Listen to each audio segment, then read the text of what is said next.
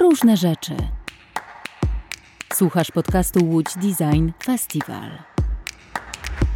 Dzień dobry. Dzisiejszy odcinek podcastu Różne Rzeczy poświęcony jest tematyce rzemiosła, tematyce dla nas na festiwalu bardzo istotnej, która pojawia się tak naprawdę już od kilku lat. A chcielibyśmy się zastanowić nad tym, jaka jest współczesna rola rzemieślnika, kim jest tak naprawdę współczesny rzemieślnik, czy rzemieślnicy są nam w miastach wciąż jeszcze potrzebni. Na ten temat porozmawiam z kuratorką projektów e, rzemieślniczych w Muzeum Pragi, z Katarzyną Chudyńską-Szuchnik. Dzień dobry Katarzyno. Witam. E, I na początek takie pytanie w zasadzie chyba, które właśnie musi paść. E, kim jest dla Ciebie współczesny rzemieślnik? Co oznacza tak naprawdę współcześnie w XXI wieku, w czasie masowej produkcji, mhm. samo słowo rzemieślnik? Czym ten rzemieślnik się zajmuje? E, czy są jakieś właśnie specyficzne, e, na przykład e, Twoim zdaniem cechy rzemieślni, rzemiosła, rzemieślnictwa, o których powinniśmy, powinniśmy na początku wspomnieć? Mhm, oczywiście. Tak, definiuję to wokół takich trzech obszarów. Pierwsza to jest osoba, która posiada jakąś wiedzę, tak zwany know-how, no, konkretnie zna jakieś techniki rzemieślnicze, sposoby wykonywania różnych rzeczy i wie, jakie narzędzia im przyporządkować. No i e, według moich e, takich definicji czy doświadczeń, czy najbardziej wiarygodna jest dla mnie osoba, która właśnie te techniki osadza e, w tradycji rzemiosła, czyli w tym, że one były wypróbowane gdzieś przez następne pokolenia, no albo autorsko wymyśla, modyfikuje je, czy autorsko jakoś wymyśla swoje nowe techniki, nowe narzędzia. No, drugi obszar będzie związany z, tak, z taką biegłością, z czymś, co możemy też utożsamiać z talentem, z kunsztem, z mistrzostwem, wykonania, ale tak naprawdę to jest kwestia udoskonalania wykonywania tych technik, y, powielokrotność, właśnie żeby uzyskać tą biegłość. E, I trzecim takim obszarem zapełniającym, domykającym dla mnie e, tą definicję rzemieślnika jest pomysłowość, e, czyli taka chęć, gotowość do szukania rozwiązań, którą rozumiem tak, że jeśli nie mam jakiegoś materiału, nie mam jakiegoś narzędzia, a potrzebuję coś wykonać, to sobie poradzę, bo, bo po prostu poszukam jakiegoś innego rozwiązania albo po prostu gotowość do jakichś spełniania nowych oczekiwań, czy wymyślania jakichś nowych rozwiązań, mówiąc dzisiejszym językiem, jakichś innowacji. Czyli, że taki rzemieślnik no, nie zamyka się właśnie w tych starych e, technikach, czy w tych tradycyjnych, ale jest też gotowy na ich podstawie E, tworzyć jakieś, e, jakieś nowe wartości, nowe byty, nowe, nowe przedmioty. Bo mm, popraw mnie, jeżeli, jeżeli się mylę, to troszkę jest tak, że rzeczywiście ci współcześni rzemieślnicy różnią się chyba od tego, o, na pewno jak jacy byli rzemieślnicy kilka, kilkaset lat temu, ale też od tych rzemieślników, e, który, z którymi stykaliśmy się jeszcze niekiedy na co dzień lat temu kilkanaście tak naprawdę, bo, bo oczywiście większość z nas jeszcze ma szansę pamiętać zakłady szewskie, zakłady napra naprawy parasoli, e, które po prostu były takim codziennością naszych, e, naszych ulic. E, a jak to wygląda teraz? Czy dobrze mam, czy, czy dobrze mam intuicję, że rzeczywiście ten zawód e, to teraz jest taka domena jednak pasjonatów, osób, które, tak jak sama powiedziałaś, mają w sobie tą skłonność i chęć do, do pogłębiania swojej wiedzy, do rozwijania i tak naprawdę do ciągłego doskonalenia się chyba, bo, bo wydaje mi się, że, że no jednak ci współcześni rzemieślnicy Są no, perfekcjonistami, że fajda ci. Tak, stoją też przed nimi chyba inne wyzwania tak. niż przed tymi rzemieślnikami sprzed kilkunastu czy kilkudziesięciu lat, tak, tak naprawdę. No tak, oni nie, zap, oni nie zapełniają e, braków rynkowych, oni nie mają do czynienia e, z klientem, który kupi od nich wszystko na pniu, więc jakby estetyczna czy materiałowa jakość wykonania schodzi na drugi plan, tylko nie, to jest bardzo wymagający klient, który doskonale wie, czego chce i trzeba w pewnym sensie spełnić jego marzenie, tak, spełnić jego bardzo, bardzo wysokie jednak e, wymagania. E, więc taki nowy rzemieślnik, e, w odróżnieniu od tych rzemieślników starego typu, którzy funkcjonują, prawda, równolegle i akurat uważam, że to jest dobre i różnorodne, no na przykład sięga po nowe technologie. Znam tutaj kaletnika, z, z, który pracuje na tamce z marki Stropa, który, no właśnie, zresztą nie tylko on, wielu młodych kaletników projektuje sobie w w jakiejś kadzie czy w innych programach graficznych. Zresztą to jest też związane z tym, że oni często e, mają przygotowani właśnie, e, są grafikami z wykształcenia, fotografami, architektami, czyli pochodzą e, z tych, z tych branż kreatywnych i wchodzą do tych zawodów właśnie starych, no bo jednak powiedzmy kaletnik, introligator, prawda, szewc i tak dalej, to są, to są zawody starego typu, ale mm, oni wchodzą e, w te buty właśnie trochę z nowymi narzędziami, czyli z tymi narzędziami, które jako grafikowi czy architektowi są dla nich gdzieś tam naturalne i przyswojone i, to jest właśnie bardzo ciekawe. A z drugiej strony to, co ich odróżnia bardzo mocno od tych rzemieślników e, tradycyjnych naszych, e, to jest e, to, że posiłkują się w dużej mierze know-howem, tą wiedzą i tymi technikami i nawet narzędziami właśnie płynącymi z zagranicy. Bo jednak oni mają dostęp w tej chwili do wiedzy, uczą się z tutoriali, czy uczą się oglądając bardzo często wyroby innych rzemieślników, na przykład z Japonii, tak, albo z Azji. E, więc e, tutaj oni nie mają ograniczeń w dostępie do tej wiedzy rzemieślniczej i myślę, że to też jest bardzo duża, e, przepraszam, słowo zgubiłam, że jest to bardzo duża ich przewaga tak, nad, mm, nad rzemieślnikami starego typu. No właśnie, więc jest to takie rzemiosło, rzemiosło z górnej półki, rzemiosło, rzemiosło mm, wysokiej jakości. E, I jeszcze wracając do tego, że powiedziałam, że to są osoby z branży kreatywnej, które mają dużą łatwość, czyli właśnie osoby, które są projektantami z wykształcenia, tak? Pierwsze wykształcenie, które odebrali, to jest wykształcenie projektowe, właśnie architektoniczne, bądź e, są grafikami więc mają dużą łatwość do wchodzenia e, do zawodów rzemieślniczych. Jakby ta biegłość, oni nie potrzebują wielu lat, wielu dekad, żeby osiągnąć e, jakąś, jakąś bardzo dobrą jakość e, swojego wykonania, bo oni bardzo często już są po prostu bardzo dokładni, są perfekcjonistami i, i jest, ich wyroby są po prostu no, naprawdę idealne. E, tak, i to jest jedna grupa tych e, współczesnych rzemieślników, którą ja e, miałam okazję zaobserwować. Druga grupa to, jest, to są takie osoby, które weszły do rzemiosła dzięki swojej pasji. Tutaj naprawdę duże środowisko, to jest środowisko rekonstruktorów, które z czasem zamieniło się, prawda, z, z tych biegających gdzieś tam po jakichś imprezach w lasach i na polanach pasjonatów, zmieniło się po prostu w tkaczy, w tych skórorobów, e, w, e, w nożowników i tak dalej, i tak. Więc ich jakby do rzemiosła przywiozła taka pasja życiowa i chęć realizowania się w tej pasji. No i też współczesny świat pozwolił im się w tej pasji realizować, bo po prostu jest popyt na ich, na ich wyroby. I trzecią taką grupą wśród, wśród tych współczesnych rzemieślników, którą zaobserwowałam, to są osoby, mm, z tak zwanym wypaleniem zawodowym, które gdzieś e, miały przesyt pracy jakiejś e, mm, biurowej, korporacyjnej, pracy umysłowej i, i właśnie um, szukają w rzemiośle miejsca dla siebie, im to wychodzi. Oni być może y, czasami potrzebują trochę więcej czasu, żeby się w tym rzemiośle udoskonalić, ale naprawdę E, jakby tutaj też chciałam powiedzieć, że nie tylko talent, y, czy, czy właśnie ta biegłość manualna jest ważna, jeśli chcemy być rzemieślnikiem, ale też upór, upór, chęć, e, właśnie szukanie tego nauczyciela, który powie, potem próby, wielokrotne próby gdzieś tam w zaciszu własnego domu czy pracowni i oni zostaną tymi rzemieślnikami. Więc jakby tutaj E, ja widzę współczesnego rzemieślnika szeroko, nie widzę go tylko jako e, designera, e, makera, właśnie projektanta, który redefiniuje rzemiosło, chociaż fajnie, że to się dzieje i, i na pewno jest to, jest to nowa jakość dla nas dzisiaj. Natomiast właśnie wydaje mi się, że ta chęć, to zainteresowanie rzemiosłem i ta chęć realizacji takiej właśnie tęsknoty do pracy ręcznej, którą dzisiaj obserwujemy nie tylko u współczesnych rzemieślników, ale ogólnie wśród E, wielu konsumentów, e, no, jest właśnie jakby równie ważna, e, co, co jakieś takie predyspozycje.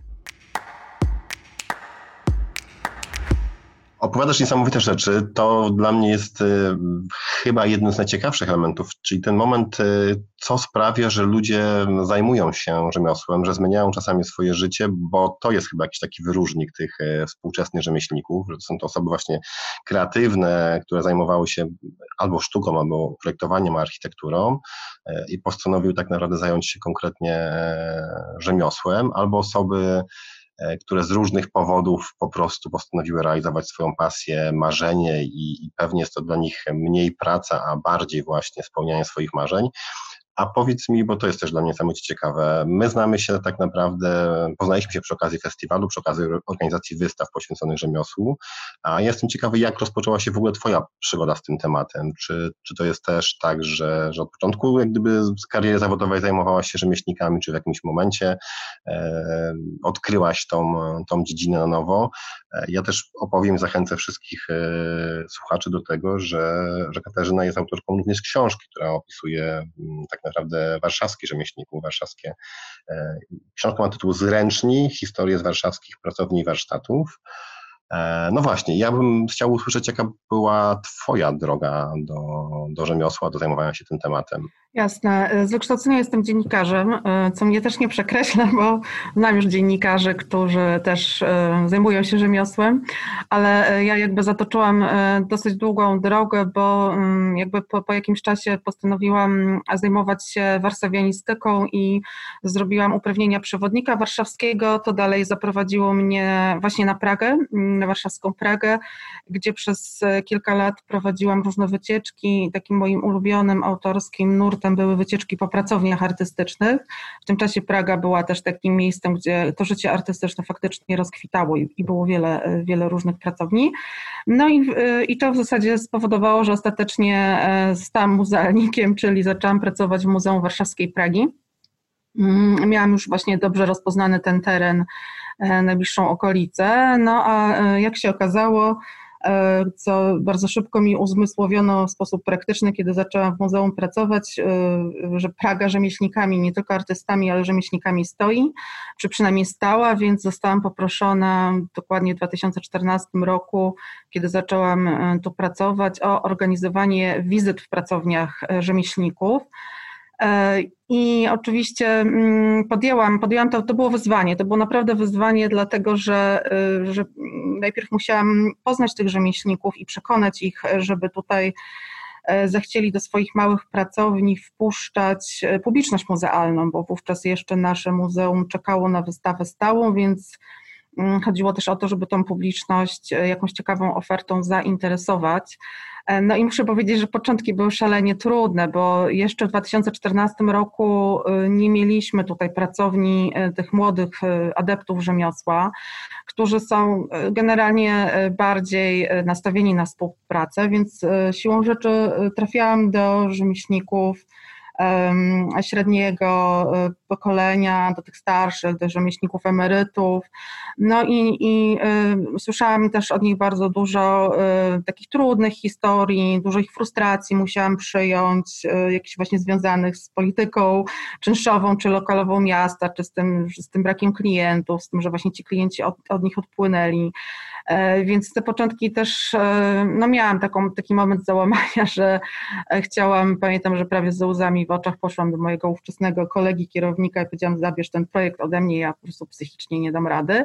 No ale z czasem to wszystko się na drugą stronę obróciło, nawiązałam dużo też przyjaźni i relacji z tymi starszymi rzemieślnikami i tak naprawdę oni dali mi siłę, a z kolei w tych pracowniach rzemieślniczych, mm, na tych spotkaniach, które organizowałam, zaczęli się pojawiać adepci. I to było dla mnie e, naprawdę takie coś bardzo zastanawiającego i też no, nakręcającego w tej pracy, że do pana rękawicznika e, przyjechała dziewczyna z Katowic, do pana, który dmucha szkło, to są, to są wszyscy ludzie tak około siedemdziesiątki, ci, ci rzemieślnicy, właśnie z którymi pracowałam początkowo. Mm, do pana, który dmucha szkło, przyjechał chłopak e, przed trzydziestką, też dmuchacz e, szkła właśnie z Gdańska i tak dalej. I, i to się nakręcało, tak do pani gorseciarki, która już ojej, ostatnio w Warszawie unikatowy zawód ginący, nasza gorseciarka, a tu nagle przyjeżdża do niej pan gorseciarz z Gdyni, tak, jakiś młody chłopak e, z całą swoją wspaniałą taką wiedzą na temat gorseciarstwa, którą wyniósł i właśnie i z Londynu, ale też z pracowni gorseciarek w Gdańsku, e, więc jakby to wszystko zaczęło się e, przenikać i tworzyć taki, ta, taką mozaikę, taki fajny, fajny właśnie obraz, dlatego też myślę, też te projekty, które prowadzę w Muzeum Pragi są takie bardzo różnorodne i trochę się rozwinęły jak kula śniegowa. Y, też w 2015 roku, praktycznie od razu na pierwszym spotkaniu inicjującym y, te wszystkie wydarzenia z rzemieślnikami, y, przyszli ludzie z Wydziału Wzornictwa z Warszawskiego i, i tak się poznaliśmy, zaczęliśmy współorganizować E, program edukacyjny Projektowanie z rzemiosłem. I znowuż ci młodzi, e, młodzi studenci, którzy się uczą e, projektowania, chodzili do tych pracowni rzemieślniczych, poznawali tych starych, zgorzkniałych rzemieślników i próbowali przekonywać ich do nowego wzornictwa, więc to naprawdę to był fascynujący, fascynujący czas, też, no też nie zawsze łatwy, tak?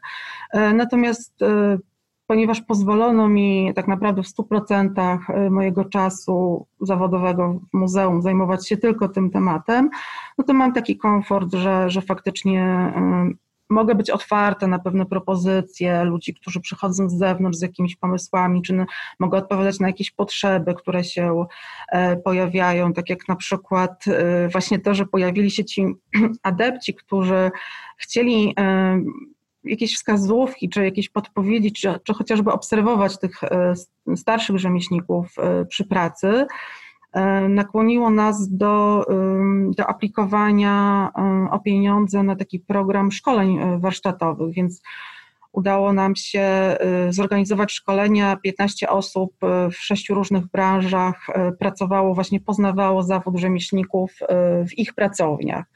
E, więc to uważam za, za duży sukces, e, że, że, taką praktyczną e, więź pomiędzy tymi młodymi adeptami a starymi mistrzami udało się nawiązać i to jest chyba dla mnie najbardziej istotne właśnie w tej pracy, żeby ten nowy rzemieślnik, młody rzemieślnik, on nie musi wchodzić w buty starego, ale żeby jakby miał świadomość, co to było za dziedzictwo, tak? I żeby jakby kreując swoją, swoją nową wizję bycia rzemieślnikiem, no chociażby znał te korzenie, tak? A jeśli z nich korzysta albo je przetwarza, co jest chyba najfajniejsze, właśnie takie e, nie, nie korzystanie jeden do jednego, tylko przetwarzanie, no to, to już w ogóle e, myślę, że spełnia satysfakcję.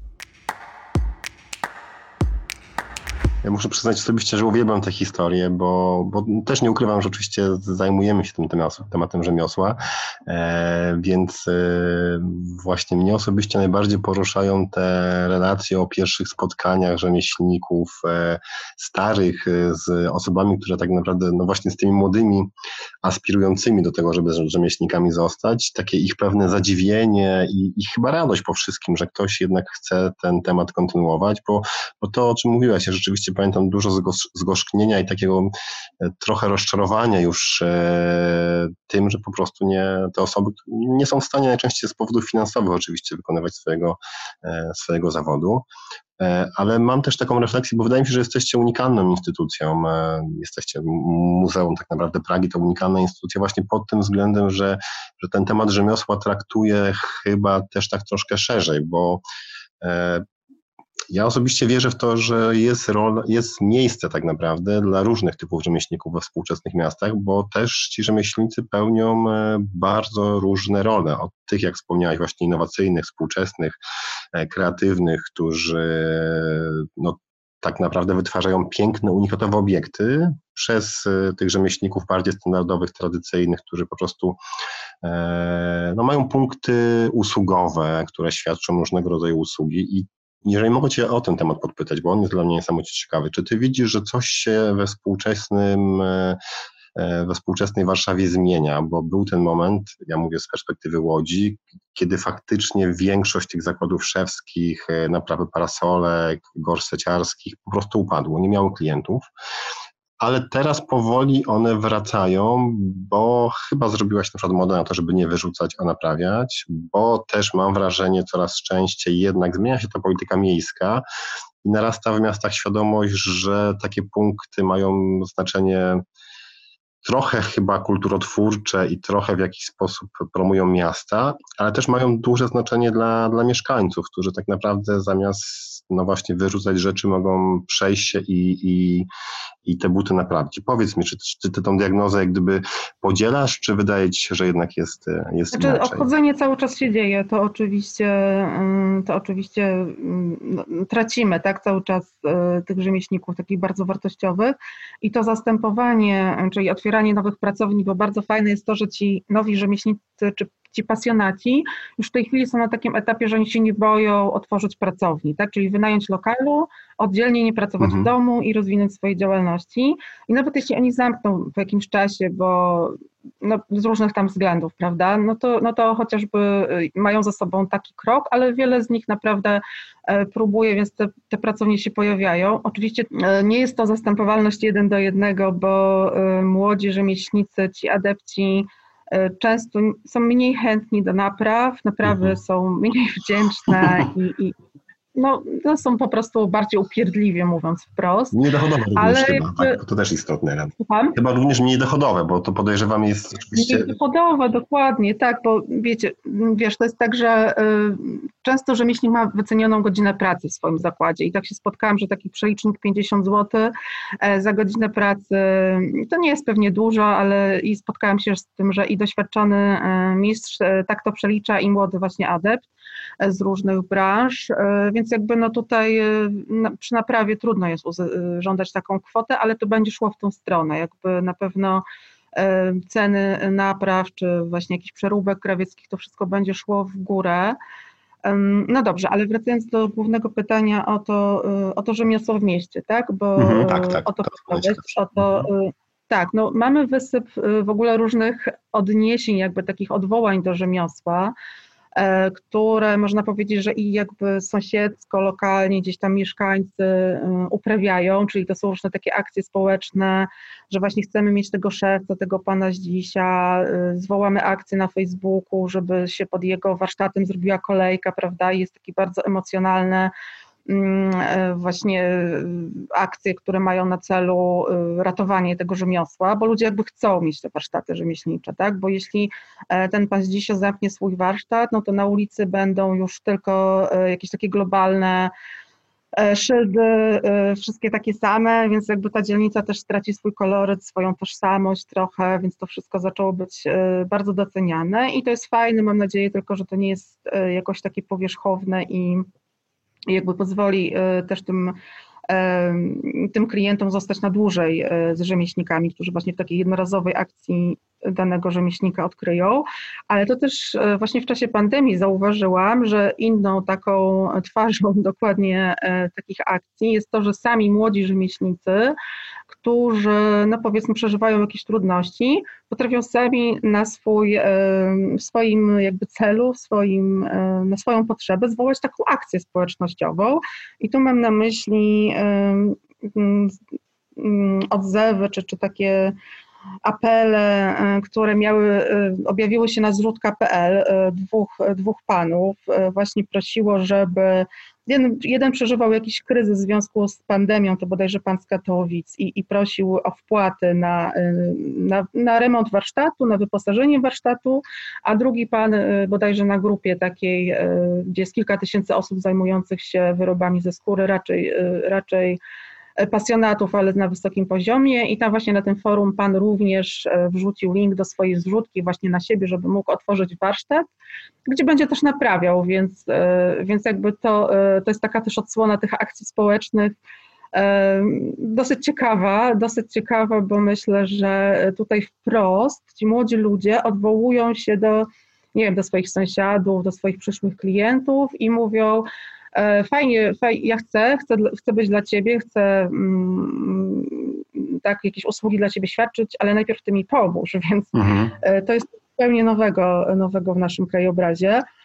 E, no i zauważyłam też takie właśnie, że to rzemiosło, zauważyłam, że to rzemiosło zostało zauważone, mówiąc wprost, przez takie inne podmioty, no właśnie przez chociażby samorządy, no przez muzea, tak jak, tak jak u nas, że dużo czasu jest poświęcone mm, tej dziedzinie, ale też przez podmioty komercyjne. Jest bardzo dużo w tej chwili już odniesień w reklamach, mhm. bardzo dużo deweloperów, przynajmniej tutaj na, w prawobrzeżnej Warszawie widzę takie odniesienia, którzy pisząc w ogłoszeniach o swoich inwestycjach, że no warto tutaj zamieszkać, bo tutaj w pobliżu jest dużo drob, pracowni drobnych rzemieślników, tak? I już wtedy mhm. potencjalnie kusi, prawda, danego mieszkańca. E, więc jakby ta rola miastotwórcza, rzemiosło wydaje się być, być bardzo duża. E, no właśnie, pytanie, co się z tym wszystkim dzieje, bo wydaje mi się, że rzemiosło y, samoistnie w jakiś sposób się odradza i w jakiś sposób sobie funkcjonuje, ale jednak jest to samoistne, więc jest to e, gdzieś tam skazane na, na to, że, że, że pewne trendy no jakoś, no właśnie chociażby ta komercjalizacja, tak, gdzieś tam mogą instrumentalnie potraktować E, rzemiosło czy rzemieślników, czy że nie wszyscy powiedzmy skorzystają na tym zainteresowaniu. Mhm. E, więc tutaj e, mam na myśli to, że, że jednak byłabym za wprowadzenie jakimś, jakichś takich strukturalnych ram funkcjonowania rzemiosła w mieście. I bardzo jestem właśnie ciekawa, co w związku z tym dzieje się w innych miastach europejskich, które wydaje mi się tą falę zainteresowania rzemiosłem mają już trochę za sobą bo rok 2008 czy rok 2005 y, to jest taki moment, kiedy w Anglii, czy, czy w Stanach, czy, czy w innych na zachodzie Europy e, właśnie ten powrót do rzemiosła był obserwowany i myślę, że, że mm, tam już widać takie bardziej strukturalne e, podejście do, do ochrony, do zachowania rzemiosła. No, chociażby pojawia się pytanie, czy rzemiosło powinno być certyfikowane, tak? bo w niektórych krajach zostały, y, jakby zawody nie zostały uwolnione, trzeba być e, trzeba mieć poświadczenie swoich kwalifikacji, dyplom, nie wiem, mistrzowski, bądź zdać po prostu egzamin państwowy. U nas obecnie można zdać egzamin w Izbie Rzemieślniczej, można zdać egzamin państwowy, ale nie trzeba, tak? Można to rzemiosło oferować te usługi i mówić, jestem rzemieślnikiem, a tak naprawdę klient, e, jeśli nie jest wyrobiony jakoś estetycznie, czy nie zna się na, na danych materiałach, wcale nie musi e, wiedzieć, czy, czy, czy nie jest na przykład wprowadzany w błąd. Więc pojawiło się też takie pytanie, czy, czy rzemiosło powinno być w jakiś sposób certyfikowane, czy sprawdzane. I teraz ja uważam, że to pytanie jest zasadne, dlatego że chociażby mamy wysyp takich produktów, które naśladują lokalność. E, bardzo często te produkty są po prostu oferowane przez duże korporacje, a tylko e, właśnie mają mm, wokół siebie roztopczoną taką otoczkę tego, że są wyprodukowane właśnie tak rzemieślniczo, naturalnie, czy właśnie gdzieś lokalnie, więc wydaje mi się, że czasami e, takie certyfikowanie, czy, czy, czy jakieś wskazanie było, byłoby, tu, byłoby tu dobre, bo, bo jeszcze być może klienci tej świadomości aż tak bardzo wyrobionej nie mają i czasami po prostu pojawiają się nadużycia w stosunku do, do różnych takich terminów, więc rzemiosło w mieście to jest naprawdę, naprawdę szeroki temat. Szeroki, fascynujący. Mam nadzieję, że będziemy jeszcze o tych tematach e, mieli okazję porozmawiać. E, ja już tak zupełnie na, na, na koniec naszej rozmowy, mm, e, która odbywa się też, i tu przypomnę to w kontekście tak naprawdę tegorocznej edycji Łódź Design Festival, gdzie również tematy związane z rzemiosłem się pojawią, między innymi e, projekt wystawa Stowarzyszenia NUF, no właśnie stowarzyszenia, które określa się jako Stowarzyszenie Współczesnych Rzemieślników. I tak wydaje mi się, że rzeczywiście to stowarzyszenie świetnie wpisuje się w tą definicję, którą tu przedstawiłaś, bo to są w większości osoby, osoby, które tak naprawdę kończyły uczelnię artystyczną, uczelnie związane z projektowaniem i później same mm, trochę właśnie szukając tutoriali w internecie, e, ucząc się tak naprawdę z jakichś materiałów zastanych, a później jak gdyby tą wiedzę zwiększając dzięki kontaktowi, e, bo to jest też chyba bardzo istotne, prawda, w tej relacji, w, w, w tym zostawaniu rzemieślnikom, ta relacja mistrz-uczeń tak naprawdę. E, wydaje mi się, że większość z tych twórców dalej szukała właśnie kontaktu ze starymi mistrzami i jak gdyby próbowała e, łączyć te swoje nowe pomysły z, z doświadczeniem i tradycją. E, ale tak właśnie zupełnie na koniec chciałbym się też Ciebie e, zapytać o to, jakie projekty Ty w tym momencie realizujesz i czy są właśnie jakieś takie tematy, które uważasz, że poza certyfikacją, a tutaj się zgadzam, bo to też chyba bardzo istotny temat, jak gdyby próba uregulowania tych rozwiązań w Polsce, jest, jest bardzo ważna, ale właśnie czy są jakieś tematy, którymi teraz się zajmujesz i, i które jak gdyby w związku z tematem rzemieślnictwa realizujesz? Tak, zdecydowanie działam tutaj na gruncie lokalnym, na gruncie Muzeum Warszawskiej Pragi, chociaż jeszcze wracając do tego, do tych takich rozwiązań strukturalnych, E, czekam, czy takie ziarenko, które zasialiśmy wspólnie z, mm, ze społecznikami, aktywistami e, w Urzędzie Dzielnicy e, Praga Południe, gdzie powołaliśmy zespół wspólnie z burmistrzem ówczesnym, zespół do spraw zachowania i rozwoju rzemiosła. Wypracowaliśmy tam 45 różnych pomysłów takich na wsparcie rzemiosła właśnie, oczywiście na podstawie rozmów z rzemieślnikami. Podobno jest to przetwarzane E, tutaj w, w magistracie warszawskim, więc czekam, czy to ziarenko e, zakiełkuje w postaci jakichś właśnie konkretnych e, propozycji, przepisów być może. Więc sobie czekając, jakby troszeczkę już wróciłam tutaj do, do pracy w muzeum. Mamy pracownię rzemieślniczą od roku. To jest piękne miejsce, sala wyposażona w narzędzia, w maszyny do szycia, E, narzędzia pozyskane od rzemieślników, ich wykroje, również od, e, od młodych rzemieślników. E, w ubiegłym tygodniu dostałam wspaniałe wykroje przygotowane przez Jakuba Wilczewskiego Wilkami. To jest właśnie taki młody kaletnik, który z wykształcenia jest grafikiem, fotografem, ale jakby to w jaki sposób on e, przetwarza to rzemiosło absolutnie mnie też zachwyciło i, i tutaj postanowiłam e, też do pracowni rzemieślniczej wprowadzić właśnie obok tych starych narzędzi e, od naszych seniorów rzemieślników, wprowadzić też taki jego know-how, więc pracownia to jest miejsce, gdzie organizujemy warsztaty, no najczęściej warsztaty w takich małych grupach, żeby E, sobie ludzie, pasjonaci i adepci mogli e, właśnie popracować na tych starych narzędziach, starych technikach, ale też nowych właśnie, jak powiedziałam. E, więc to jest, to jest taka najbardziej satysfakcjonująca część w tej chwili mojej pracy. No i projektowanie z rzemiosłem cały czas prowadzimy go w systemie semestralnym z Pawłem Jasiewiczem, E, w czasie pandemii trochę, trochę odeszliśmy od e, projektowania właśnie rzeczy w stronę e, projektowania takiego ideowego, jakichś rozwiązań związanych z życiem w mieście, mm, ale jakby dalej też będziemy bazować na takim przetwarzaniu tego dziedzictwa rzemieślniczego przez, przez projektantów. Więc to są takie obszary, które mnie bardzo interesują. Mam też nadzieję na rozwinięcie E, takiej pracy naukowej właśnie związanej z zastosowaniami e, rzemiosła w mieście, a dokładnie interesuje mnie temat dziedziczenia rzemiosła, czyli kto ostatecznie z tych wszystkich grup, o których rozmawialiśmy, mm, będzie miał największy wpływ na, na utrzymanie i, i, i zachowanie rzemiosła w mieście.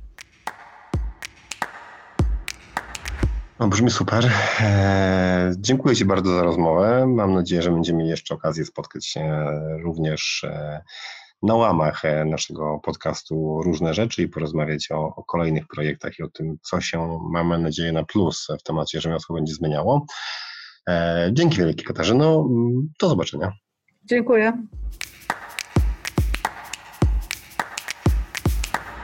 Cześć, zaczynamy dzisiejszego szarta ponieważ motyw przewodni rozmowy, której właśnie wysłuchaliśmy, jest dość bliski mojemu sercu, więc w dzisiejszych rekomendacjach postaram się nawiązać do tematu rzemiosła. Na początek kategoria rzeczy do nauczenia. W tym temacie jest e, naprawdę wiele ciekawych umiejętności, których możemy nauczyć się w zaciszu własnego domu a ostatnie miesiące sprzyjają do e, izolacji, dlatego też właśnie takich atrakcji domowych e, poszukiwałam do dzisiejszego podcastu. Zatem z rzeczy do nauczenia chciałabym polecić Wam dzisiaj tkanie. własnego doświadczenia wiem, że jest to czynność niezwykle relaksująca, dla mnie też bardzo satysfakcjonująca. Móc zrobić coś od początku do końca e, własnymi rękoma, e, a później tego użytkować albo przekazać komuś w prezencie, to jest coś, co naprawdę lubię w pracach technicznych. E, aby móc rozpocząć samodzielną naukę tkania, na przykład kilimu, potrzebnych jest kilka podstawowych elementów. Potrzebujemy na pewno ramki do tkania, przędzy i nici na osnowę oraz igłę i czułenkę. Część z tych akcesoriów można samą wykonać bądź skompletować. Być może niektóre z tych rzeczy macie w domu. Na początek polecam jednak skupienie się na zdobyciu samych umiejętności technicznych już nie rozdrobnianiu na poszukiwaniu poszczególnych elementów. Można kupić gotowe zestawy, na przykład na stronie internetowej pracowni tkackiej Tartaruga. O nich w każdym razie zaczynała się moja amatorska przygoda z tkaniem. Mamy zestaw i co dalej? Ponieważ, e, tak jak wspomniałam na początku, nie zawsze mamy możliwość wziąć, wziąć udziału w warsztacie stacjonarnym, więc bardzo dobrym rozwiązaniem jest tutaj po prostu skorzystanie z internetowych poradników. Ważne natomiast, żeby skorzystać z tych sprawdzonych e, poradników, tej sprawdzonej wiedzy, po to, aby nie, mm, już na samym starcie nie nabrać złych nawyków, które w późniejszej pracy spowodują niepotrzebne frustracje. Dla mnie takim dobrym miejscem do mm, czerpania wiedzy na temat tkania jest facebookowa grupa Tkanie na kolanie. Grupa obecnie liczy ponad 500 członków. Prowadzą ją Jadzie Lenart i Wiktoria Podolec, założycielki wspomnianej już przeze mnie pracowni czekackiej Tartaruga. Ja ją bardzo serdecznie polecam, często z niej korzystam. Ta grupa powstała mm, po to, aby po prostu wspierać społeczność tkacką. E, śmiało można na niej zadawać e, przeróżne pytania, e, pytania techniczne, można też chwalić się zdjęciami swoich wyrobów, poszukiwać różnych tkackich znalezisk. Można dyskutować o wzorach, różnych inspiracjach i o rzemiośle po prostu jako takim. A jeśli zastanawiacie się, e, gdzie zdobyć przędzę, jak utkać koło, czy jak samodzielnie wykonać ramkę do tkania, to ta społeczność e, na pewno Was nie zawiedzie. link do grupy znajdziecie w opisie do podcastu. Mam nadzieję, że moje rekomendacje pozwoli Wam twórczo spędzić czas w domu. Toczące się dyskusje nie dają póki co jednoznacznych odpowiedzi na pytanie, co można zaliczyć do współczesnego rzemiosła. I choć grafika komputerowego na ogół nie zalicza się do listy zawodów rzemieślniczych, to myślę jednak, że ten stan rzeczy niebawem ulegnie zmianie. E, dlatego też tak pokusiłam się, aby w dzisiejszych rekomendacjach e, rzeczy do oglądania e, polecić kanał na YouTubie, którego autorem jest Zimri Mayfield. Według kanonicznych definicji nie są co prawda rzemieślnikiem, chociaż w bardzo ciekawy sposób dzieli się e, z widzami swoim warsztatem pracy. Na jego kanale znaleźć można nietypowe tutoriale. Związane one są z obsługą programów graficznych, e, przede wszystkim z Illustratorem czy Corelem, e, ale myślę, że dla użytkowników innych narzędzi te filmiki będą także przydatne. W Zimri zamieszcza także różne graficzne inspiracje i bardzo ciekawe, liczne, kreatywne wyzwania, które wrzuca w różnych formach nie tylko sobie, ale też swoim widzom. I to go dość mocno wyróżnia na tle mm, innych mm, kanałów o, o podobnej tematyce. Poza wiedzą merytoryczną doceniam oryginalne formaty odcinków. Zimri swoją popularność zyskał cotygodniowymi filmami, w trakcie których e, tworzy grafiki, jednocześnie opowiadając e, o zasadach projektowania graficznego. Obecnie jednak publikuje także nagrania, w których e, realizuje wyzwania rzucane przez widzów opiniuje w nich i poprawia projekty przez nich nadesłane, co jest e, bardzo ciekawe nie tylko ze względu na merytoryczną stronę e, wiedzy, którą mm, przekazuje, ale też samą formę, która momentami jest dość zabawna i naprawdę, jeżeli ktoś nie interesuje się mm, projektowaniem graficznym e, w sposób zawodowy, to myślę, że może podejść do oglądania tego kanału z takiej czysto rozrywkowej pozycji. E, Zimri stworzył też już kilka sezonów z cyklu Designer versus Designer, którego formuła przypomina mi nieco taki graficzny odpowiednik programów typu Talent Show. To też bardzo, bardzo ciekawy format. Myślę, że e, może, możecie zacząć oglądanie tego kanału właśnie od tej serii. E, o popularności kanału Zimri Mayfielda świadczą ciągle rosnące liczby subskrybentów. Obecnie ma już ponad 400 tysięcy subskrybentów i blisko 25 milionów wyświetleń. Link do jego kanału zamieścimy w opisie do podcastu. Ostatnią rzeczą, którą chciałabym dzisiaj polecić, jest blog Michała Rzeczyńskiego. Jego teksty znam i czytuję regularnie od dość dawna, zanim jeszcze założył bodaj w 2012 roku stronę michałzaczyński.com. Czytywałam jego teksty w publikacjach e, na łamach Newsweeka. Aktualnie autor współpracuje e, też m.in. z tygodnikiem Polityka, magazynem Vogue e, czy dziennikiem Rzeczpospolita. Jego domeną jest moda, a w szczególności projektowanie ubioru. Rzeczyński swoją pasję realizuje nie tylko w tej warstwie tekstowej, e, nie tylko pisze, e, ale jest też e, bardzo blisko samych twórców i środowiska mody. Mm, Rzeczyński bardzo często pracuje jako krytyk i juror konkursów branżowych, czy bywa po prostu na, na pokazach i bezpośrednio e, sprawdza, co tam w środowisku modowym, e, tym polskim, zagranicznym e, słychać. Ale wracając do samego bloga, to co mnie w nim urzekło i co moim zdaniem najsilniej wyróżnia go na tle innych, to opisywanie mody przez pryzmat no, nieco inny niż tylko trendy estetyczne. Rzeczyński pisze w, na blogu o związkach mody z popkulturą, e, społeczeństwem i gospodarką dużą uwagę poświęca naszym rodzimym twórcom, pisząc nie tylko o ich sukcesach, e, ale co ważne też o ich wpadkach. E, a cenię go za to, że sięgając po tematy trudne i często przemilczane w branży, takie jak plagiat czy nieuczciwa konkurencja, nie wpada w sensacyjne tony, tylko skupia się na opisywaniu negatywnych aspektów takich zjawisk. Jego treści są naprawdę autorskie. Formy publikacji zróżnicowane, to też bardzo ciekawie się czyta. Obok felietonów na blogu znajdziecie wywiady i recenzje. Okej, okay, to moje typy. Michale, przekazuję mikrofon i zamieniam się w słuch.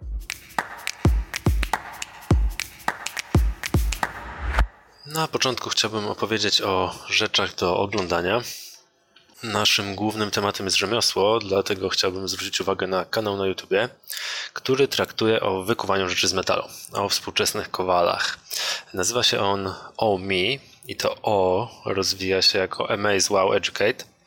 I jest to najpopularniejszy kanał tego typu z prawie 8 milionami subskrypcji. E, stoi za nim ekipa z Baltimore, a dokładnie Baltimore Knife and Sword Company. I ich największym hitem są odcinki z serii Man at Arms Reforged.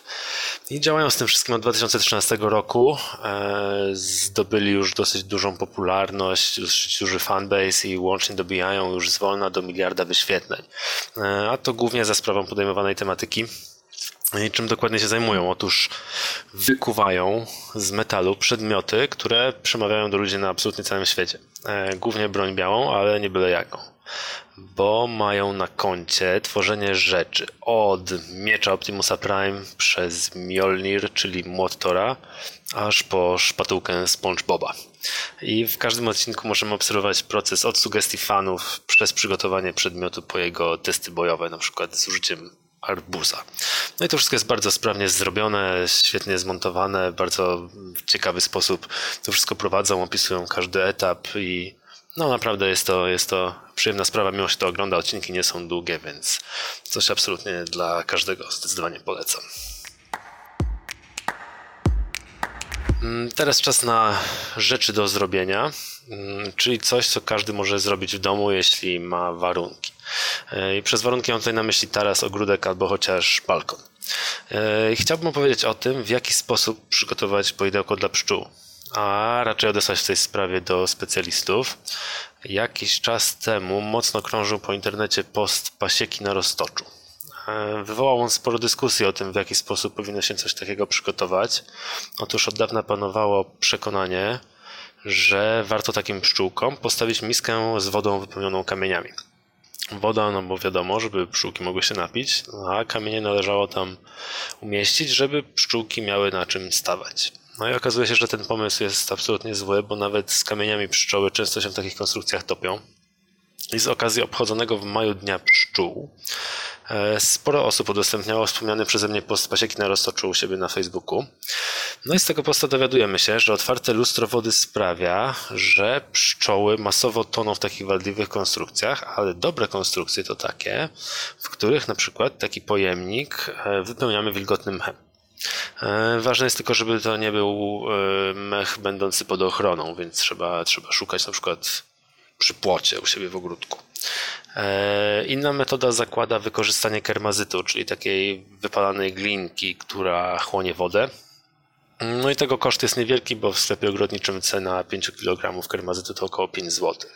Wystarczy go wsypać do dowolnej miski i gotowe. No i pasieka proponuje też bardziej zaawansowane rozwiązania, no ale to raczej dla posiadaczy ogrodu taka deska z rowkami. No ale to zobaczcie sami. Myślę, że to cenna wiedza może się przydać na następny Dzień Pszczół, który obchodzimy w roku dwukrotnie i druga okazja nadarzy się w sierpniu. No i wtedy będzie już naprawdę ciepło i pszczółkom zdecydowanie będzie chciało się pić. Dlatego zachęcam do zapoznania się z tym postem, gdzie w komentarzach ludzie pokazywali swoje rozwiązania oraz do, odsyłam do artykułu Eweliny Kołodziej znów, Eweliny Kołodziej z Noise, e, która e, fajnie w punktach odpisała, jak odpowiednio przygotować takie poidełko dla pszczół. I link oczywiście udostępnimy w opisie.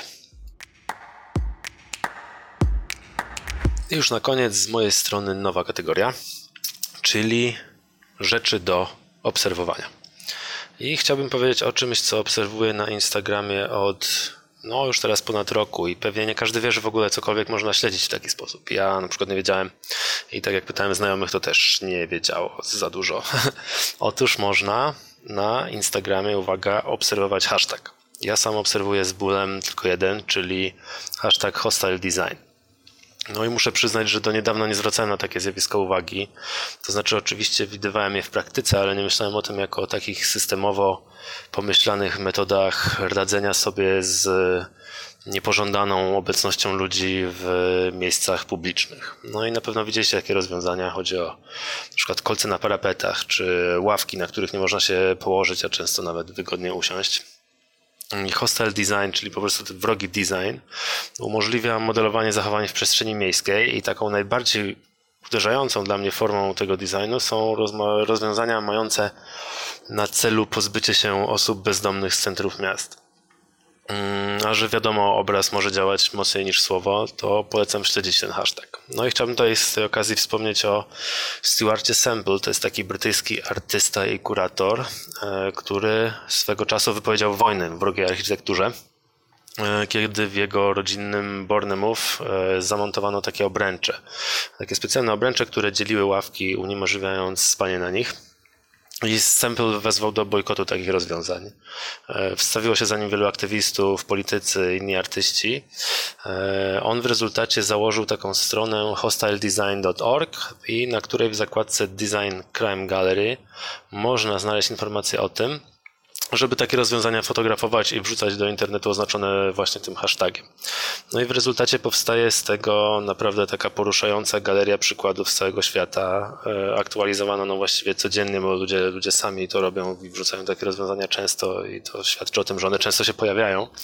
No i taka, taka międzynarodowa baza poruszających fotografii może Was uderzać właściwie codziennie z Instagrama, e, jakby niejako sprawiając, że temat jest stale aktualny. E, no i temat ten na przykład bardzo ciekawie wyczerpała moim zdaniem w Polsce Ewa Pluta z, WPS, e, prosząc o komentarz Mateusza Halawę, socjologa, który jest kierownikiem zespołu nauk humanistycznych i społecznych School of Form i link do, tej, e, do tego materiału oczywiście udostępnimy. I z mojej strony tym razem to wszystko. Dziękuję uprzejmie za uwagę. Dziękujemy za wysłuchanie. Więcej odcinków naszego podcastu znajdziesz na www.lotsdesign.com.